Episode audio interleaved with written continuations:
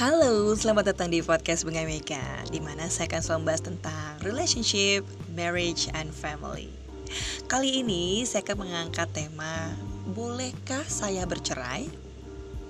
Buat seseorang yang mengalami pernikahan penuh air mata Kesesakan dan jalan buntu Tentu melihat perceraian sebagai jalan keluar Sebagai praktisi konseling Pertanyaan tersebut juga pernah diajukan kepada saya Lantas apa ya jawaban saya?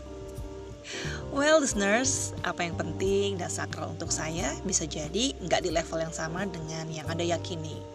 Karena kita adalah manusia yang memiliki values, iman, pengalaman masa lalu, budaya yang berbeda dan akan selalu berkontribusi terhadap keputusan-keputusan besar dalam hidup kita. Tugas saya sebagai seorang konselor bukanlah mentransfer ataupun memaksakan nilai-nilai saya kepada Anda, tetapi bagaimana saya bisa membantu Anda menggali dan mengenali diri serta nilai-nilai yang Anda bawa and how to make the best of it. Jika sahabat ataupun keluarga Anda curhat kepada Anda, saya ingin bercerai, saya rasanya udah gak sanggup lagi hidup sama dia. Apa yang seharusnya Anda lakukan sebagai seorang sahabat atau ataupun kerabat yang baik? Yang pertama adalah dengarkan tanpa menghakimi.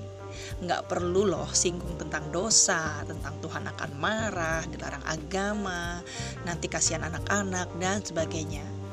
Jujurnya sih mereka tahu dengan hal tersebut ya Jadi nggak perlu diingatkan lagi untuk saat ini Karena apa?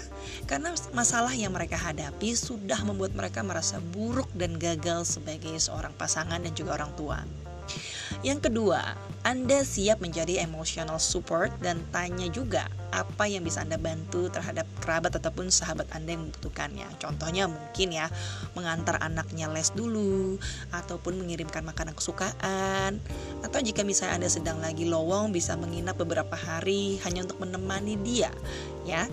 Terutama di fase yang begitu rentan, itu akan mudah sekali bagi seseorang yang sedang berpikir ingin bercerai atau sedang stres untuk mengalami namanya mental breakdown. Kehadiran Anda bisa jadi menyelamatkan jiwa seseorang. Yang ketiga, jika kondisi sudah lebih tenang, coba ajak diskusi tentang kemungkinan-kemungkinan positif menyelamatkan pernikahan tersebut. Serta coba ditulis ya, diurutin konsekuensinya pro dan kontra dari semua pilihan-pilihan yang dibuat.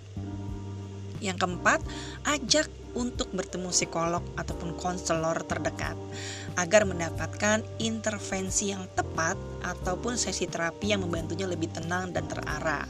Pastikan bahwa dia tidak mengambil keputusan hanya karena emosi sesaat ataupun dorongan yang impulsif, melainkan segala keputusan yang sudah dipikirkan baik buruknya dengan tenang, dengan kepala dingin dan hati yang lebih firm, ya. Jadi penting untuk menemui psikolog ataupun konselor. Jangan pernah merasa malu untuk meminta bantuan profesional. Oke. Okay? Yang kelima, tetap mendukung apa pun keputusannya dan percaya bahwa sahabat ataupun kerabat Anda ini adalah orang dewasa yang tahu yang terbaik apa yang ia pilih dan jalankan dalam hidupnya. Listeners, berempati bukanlah berkompromi. Anda mungkin akan mengambil jalan berbeda dengan dia, tetapi menghormati keputusan orang lain adalah hal yang penting. Anyway, jika kita nggak bisa meringankan beban seseorang, setidaknya kita selalu bisa belajar untuk tidak menghakimi. Have a great life. Sampai ketemu lagi di podcast Bunga Mega selanjutnya. Bye.